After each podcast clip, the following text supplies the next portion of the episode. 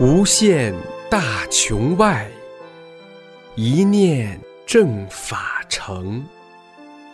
师尊慈悲愿，万物沐春风。请听明慧专题《一师恩》。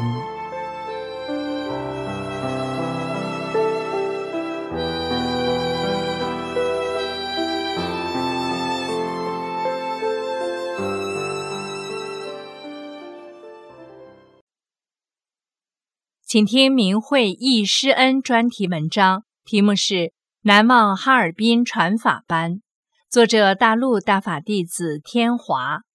文章发表于明慧网，二零一七年七月一日。我是一九九四年开始修炼法轮大法的老弟子，得法前我满身是病，患有严重的心脏病、风湿病、肩周炎、脑震荡后遗症，眼睛也有病。到处求医，花了不少钱也没治好。医生对我丈夫说：“我很危险，我因心脏病出现休克现象，一次比一次重。休克后就抽，整天躺在炕上，一天只能坐几分钟。”邻居嫂子来看我，对我丈夫说：“哈尔滨来了一个气功大师，能治百病，要在那里教功。过两天他也去。”那时孩子上学，丈夫走不了，我们两家处得很好，我就求这位嫂子带我去。嫂子一路辛苦，对我处处关心，精心照顾，我顺利到达了哈尔滨。学习班一九九四年八月五日在哈尔滨冰球馆举办，馆内四面坐满了几千人，过道上也站满了人，外面还有很多人没进来。师傅来到讲台时，我的眼睛一下亮了起来。师傅那慈悲祥和的面容，用语言真是无法表达。我就感觉像见到最亲最亲的亲人了，高兴得热泪盈眶。来的人太多，无法进到馆内。师傅对着麦克风说：“外边没进来的人，别担心，什么都照样得。”第一堂课。师傅讲，师傅是真正往高层次上带人。我聚精会神、认真地听师傅讲的每一句法，字字句句都打在我脑海里。我看到师傅讲法时，头上有五颜六色的佛光发到全场每个学员身上，我立刻感到全身轻松，我的病就这样瞬间不翼而飞。在回旅店的路上。就感觉走路生风，轻飘飘的了。第四天，我和学员们去太阳岛公园，往返三十多里路，没有累的感觉，像从来没病一样。大法祛病健身太快，太神奇，太不可思议，这是我亲身经历。若是听别人说，我还未必能相信。我那样一个多病的身体。师傅的佛光照到我身上，一刹那就百病全无。我太幸运了，太幸福了，做梦也想不到的天大的好事落到我头上了。我的健康身体是师傅给的，我只有百分之百的听师傅的话，师傅让我做什么就做好什么，真是缘分所致。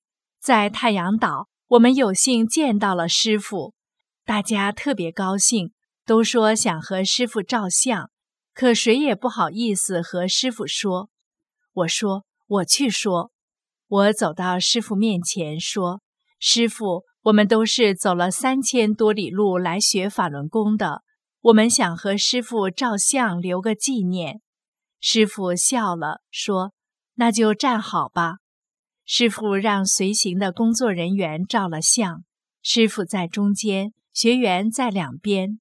这照片异常珍贵，经历了邪恶的疯狂迫害，我一直珍藏至今。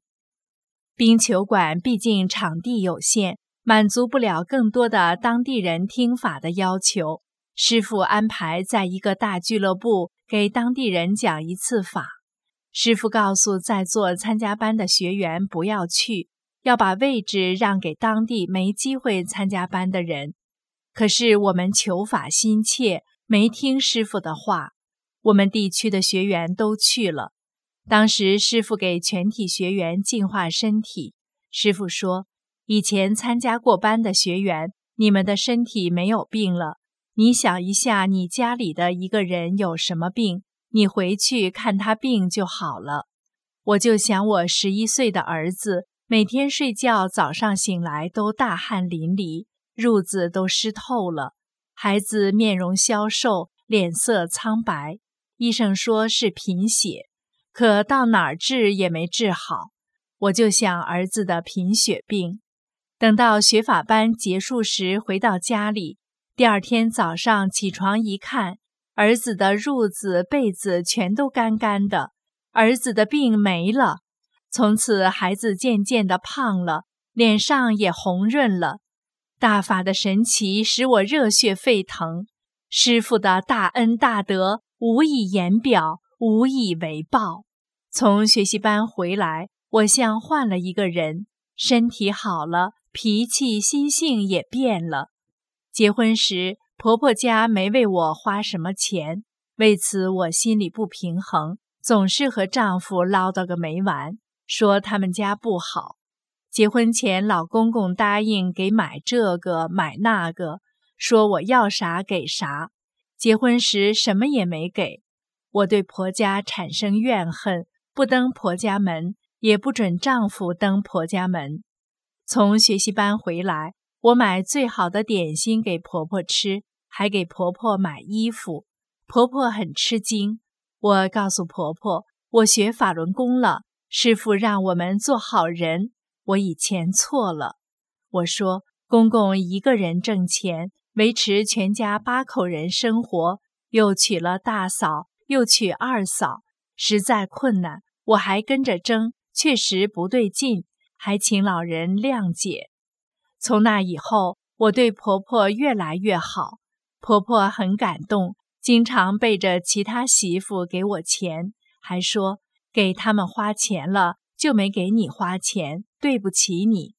我不要，婆婆就哭，我只好拿了。过几天我再加倍给送去。婆婆逢人就说这个媳妇孝顺、通情达理。婆家人对我的看法也根本转变了。大伯哥伸出大拇指称赞我。你真是好样的！我身心的巨大变化源于法轮大法，是大法再造了我。我是在按真善忍标准做个好人，一个更好的人。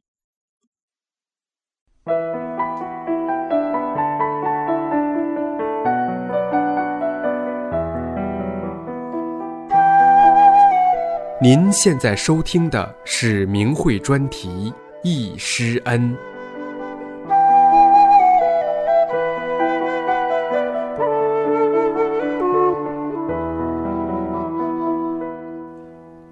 在广州聆听师尊讲法的日子，作者湖南大法弟子。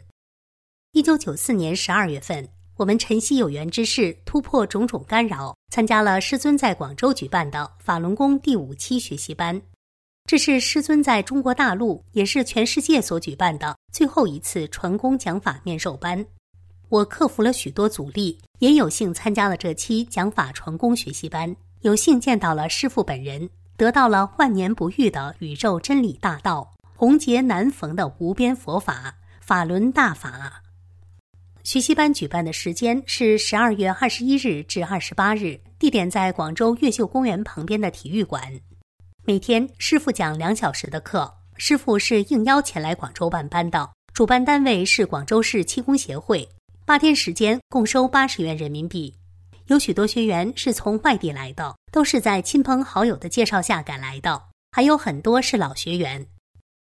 我们晨曦的学员在广州中医学院租了一间学生宿舍住宿，在中医学院的食堂和学生一同买便宜的饭菜吃。在这里，我们碰到了也来租房住的贵州学员和黑龙江齐齐哈尔的学员。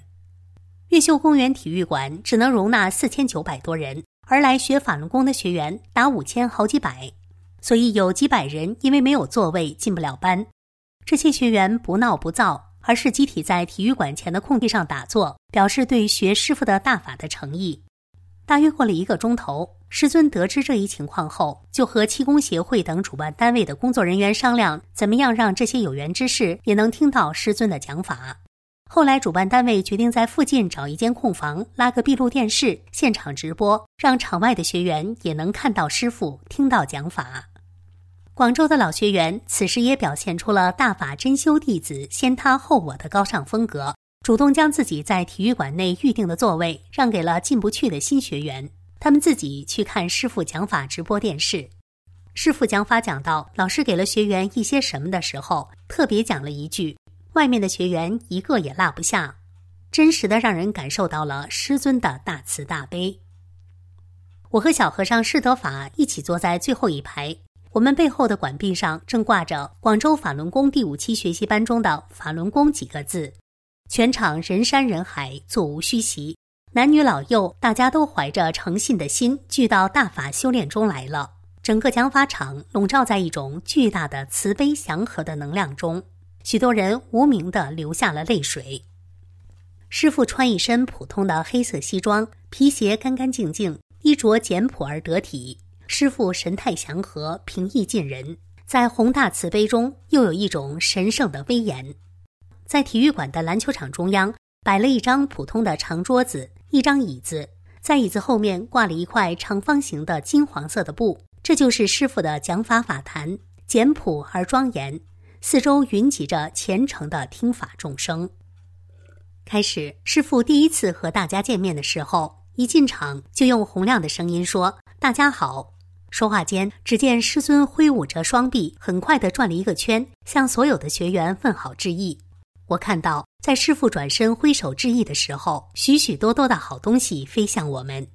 师尊讲法时，没有任何书稿，只有一张折得发皱的纸。上面大概写着讲法的题目，师傅的话深入浅出，简明扼要，通俗易懂，谦和幽默，对古今中外的各种事情、众生百相的本质讲得入木三分，法理直指人心，大家时常发出一阵开心的笑声。在轻松祥和的气氛中，许多真正学法的病人身体同时也得到了调理，恢复了健康。师傅也指出，大法是给人修炼的，不是给常人治病的。只能给真正修炼的人净化身体。有的绝症危重病人现在也瞒着工作人员进了学习班来治病，而不是来学法。师傅说，这些人他都清楚，要是不舒服了，赶快去医院。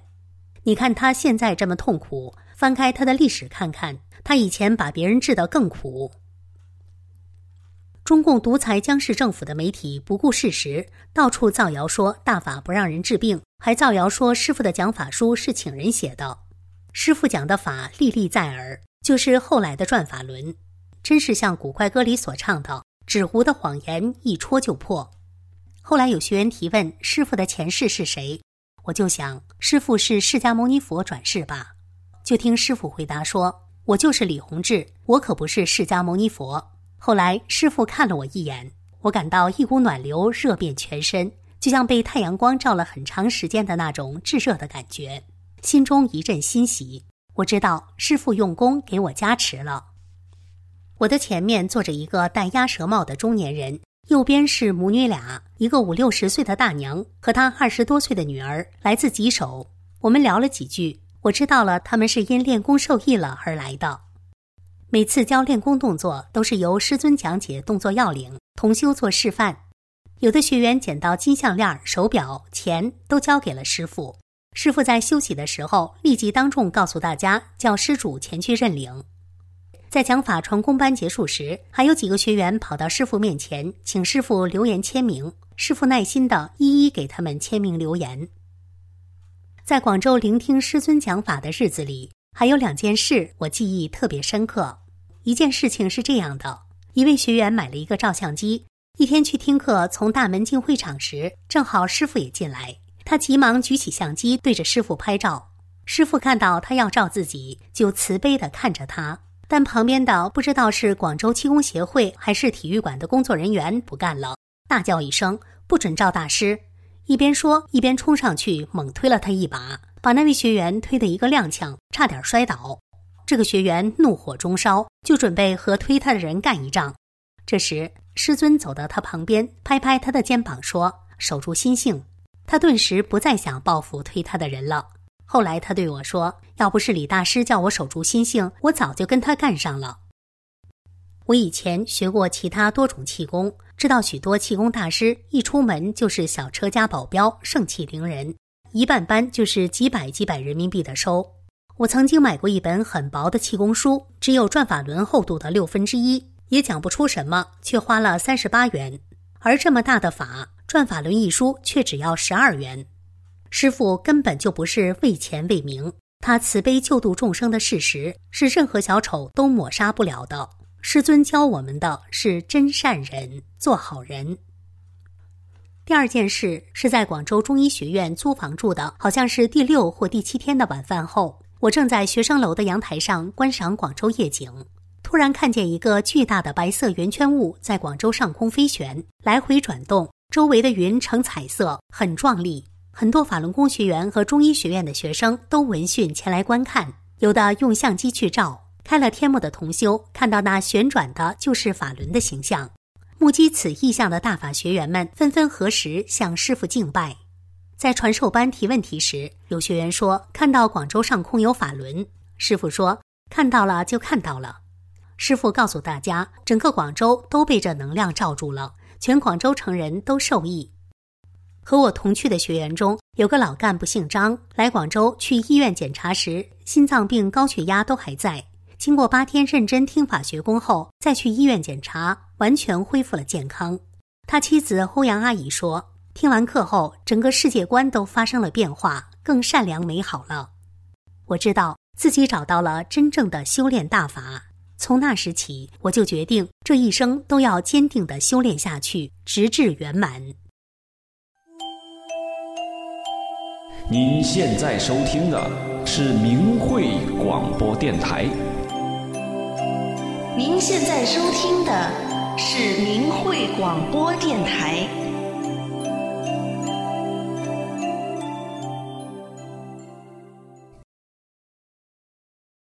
回忆在广州参加师傅讲法班的日子，作者大陆大法弟子。一九九四年十二月，我们终于突破各种阻拦，坐了整整三天两夜的车来到广州，参加师傅在国内的最后一期讲法班。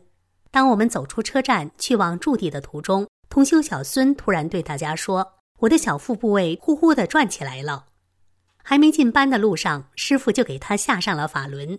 师傅说过：“来了就是缘分。”大约是十二月二十日吧，我们终于见到了盼望已久的师傅。师傅是那样的高大、慈祥、亲切，我像迷失很久的孩子，终于回到了家。见到了父母一样的感到踏实安全，我流下了幸福的泪水，发自内心深处的呼喊：我终于见到了真正的师傅了。我不知道来听法的到底有多少，整个广州体育馆挤得满满的，门口过道都坐满了人。师傅告诉我们，广州的学员和参加过班的老学员把主会场让给外地的和新学员，他们在分会场看录像直播。第一天上课不久，工作人员告诉师傅，外面有很多人练功，他们都听说师傅在广州讲法，没办法弄到票，直接从几千公里以外坐飞机赶来的。他们有的经济很困难，住不起旅馆，吃着方便面。师傅听后，马上让他们进来，席地坐在讲台前面，他们深深地向师傅合十，全场响起了热烈的掌声。师傅讲课的前三四天，会场上经常出现怪声。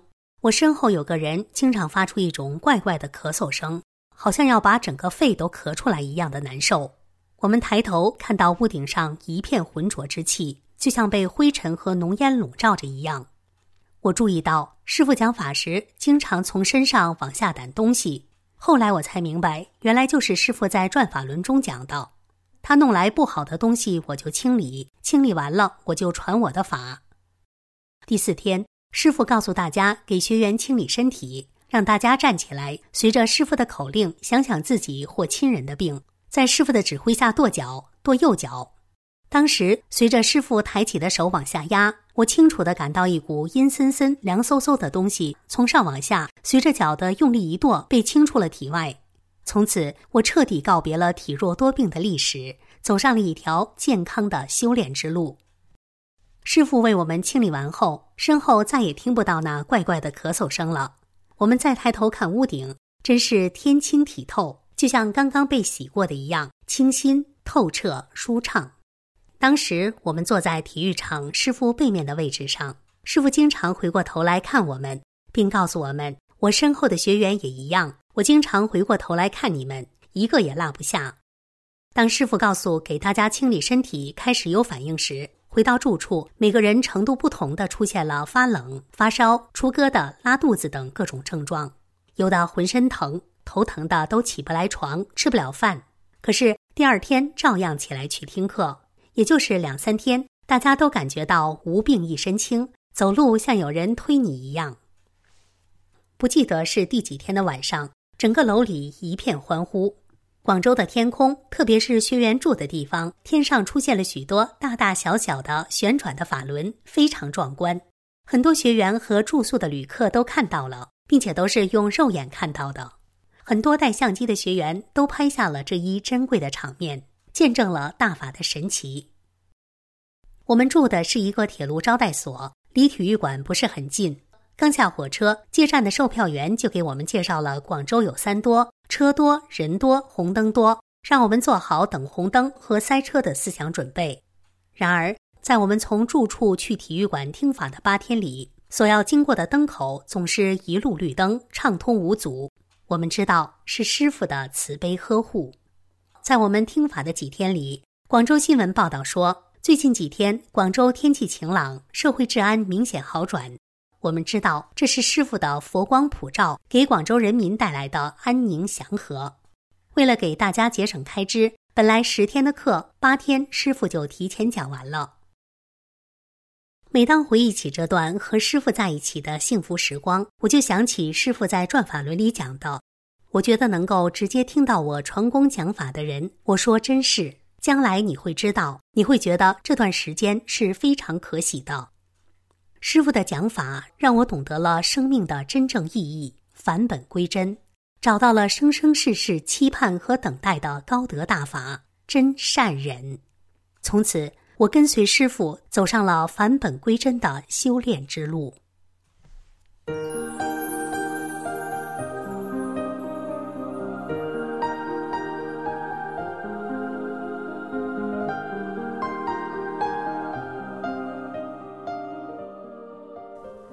下面请听东北老年大法弟子的文章《最珍贵的回忆》。一九九四年以前，我由于患有偏头痛、贫血、哮喘、颈椎病、神经衰弱、顽固性失眠等多种疾病，便去学了多种气功，但效果甚微。一天，在一本气功杂志上看到了一篇介绍法轮功的文章。说法轮功修真善忍，由师傅给每个学员在小腹部位下一个法轮，觉得很奇特。过了几天，一同锻炼的一位大姐约我一起去长春学法轮功。我想去，可是单位工作忙，没去成。大姐从长春给我带回《法轮功》一书，我看后就感觉这正是我要找的。我表示一定学法轮功。大姐告诉我，师傅在济南还要办一次班，定于一九九四年六月二十日开班。我们来到济南，费尽周折才找到报到处，看到那么多来自全国各地的学员，犹如见到了亲人。大家听说我俩是从东北来的，很是惊讶，觉得不可思议。师傅就在你们家乡开始传功，现在师傅传法已接近尾声了，你们竟然不远千里来山东，还是第一次参加班。而他们当中有的人已经参加过九次班了，参加师傅传法班少于三次的都很少。我们还看到有来自台湾、日本的，看到这么多学员都已多次参加过师傅的传法班，令我们十分羡慕。第一天开班。见到师傅高大和蔼、帅气、年轻，就像二三十岁的人，我心里十分激动。师傅一开始讲课，我就更加激动。我说：“这声音太熟悉了，我使劲回忆，什么时候在哪里听过这么亲切而又熟悉的声音呢？事后与其他学员说起我的感觉，他说：“你不用回忆了，好多学员第一次听师傅讲法都有这种感觉。咱们和师傅在前几世就结缘了，你多有福气呀！办班的最后了，还有幸得法，难得呀！”传法班上的学员，有的是全家一起来的，有亲朋同事结伴来的。就像师傅说的：“两两相继而来，入道得法。”选自李洪志师傅著作《精进要旨悟》。听了师父一堂堂博大精深的讲法和答疑，使我的世界观发生了根本的改变。懂得什么是真的佛法，什么是修炼，以及如何修炼，如何提高心性等。我每天都期望时间过得慢一点，能够听师傅多讲些。每当师傅一进入讲法场，四五千人的会场立即掌声雷动，然后鸦雀无声，静的只能听到轻微的呼吸声，静听师傅讲法。可是听课中，我有几次居然睡过去了。自己懊悔不已。后来师傅讲法说到，有人听课睡着了，那是因为师傅给清理脑袋的病液，我才放心。果然，我三十多年来的偏头痛再也没犯过，还出现了像师傅讲的清理身体时拉肚子、总是去厕所这种情况。每次听完课，来自各地的学员就聚在一起切磋、交流体会，谭师傅在各地办班发生的神奇事例。大家在一起听法的日子真是太令人难忘了。几千人，每个地区的学员都要与师傅合影留念。一个地区照完，师傅就指挥说：“下一个省照相的站好了。”大家就立即默默站好，师傅就上前往这个省的学员中一站。又照一张，几千人、几十张照片，很快就照完了。那个效率之高，真是令人惊叹。可是大家都盼望能和师傅在一起多待一分钟呀！时间太快了，八天班很快结束了，心里那种恋恋不舍，难以用语言形容。师傅还要去大连办班，大家都想跟师傅走。师傅说：“法已经传给你们了。”你不要总跟着师傅，回去抓紧时间实修。就这样，我们就眼含热泪乘车回家了。但还是有很多学员跟着师傅去了大连传法班。一九九四年八月二十日，师傅又受邀办了延吉传法班，我们很多同修又在延吉相聚，再次聆听师傅讲法。这次也令人难以忘怀。师傅传大法有魔干扰。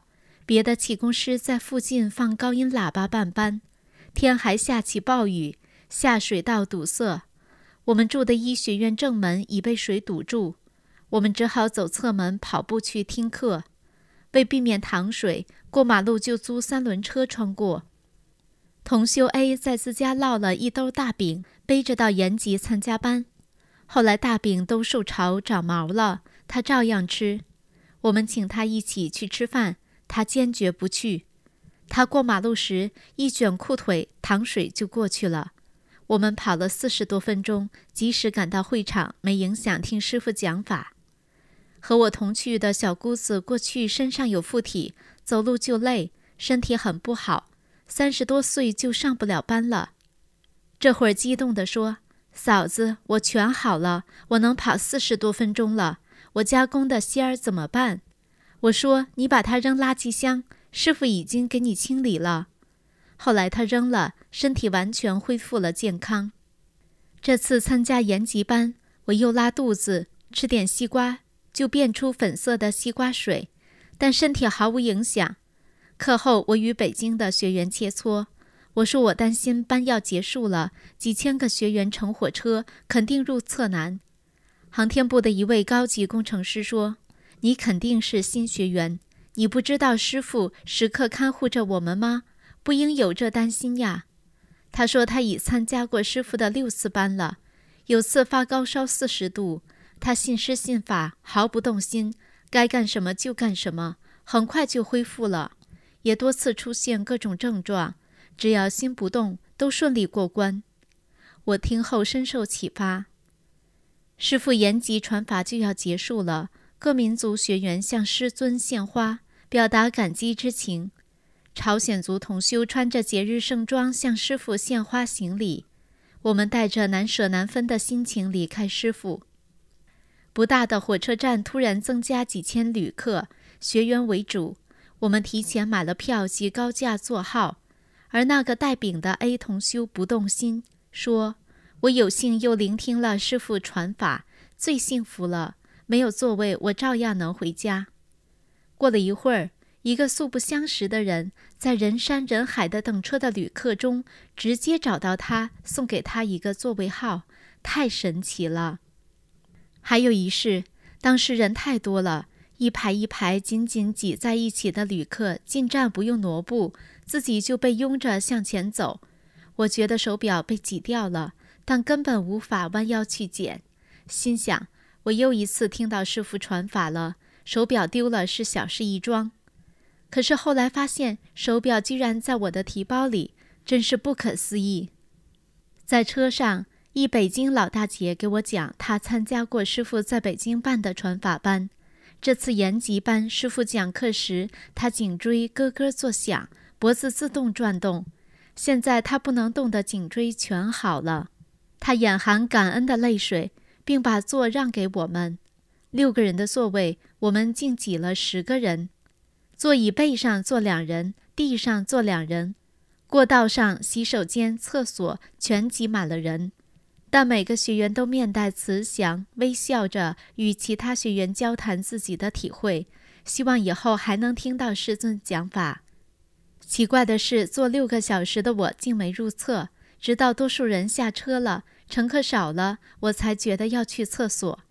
回家以后，我们到周围乡镇开展弘法活动，而后成立了学法小组，使很多人了解了大法，并走入修炼。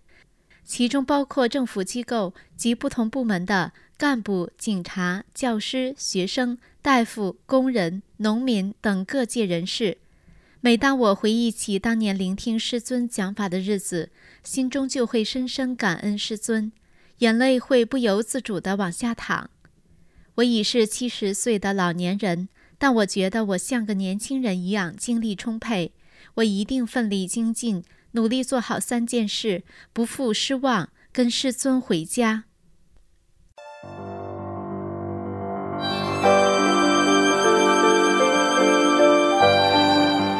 这一期的易师恩就到这里，谢谢收听。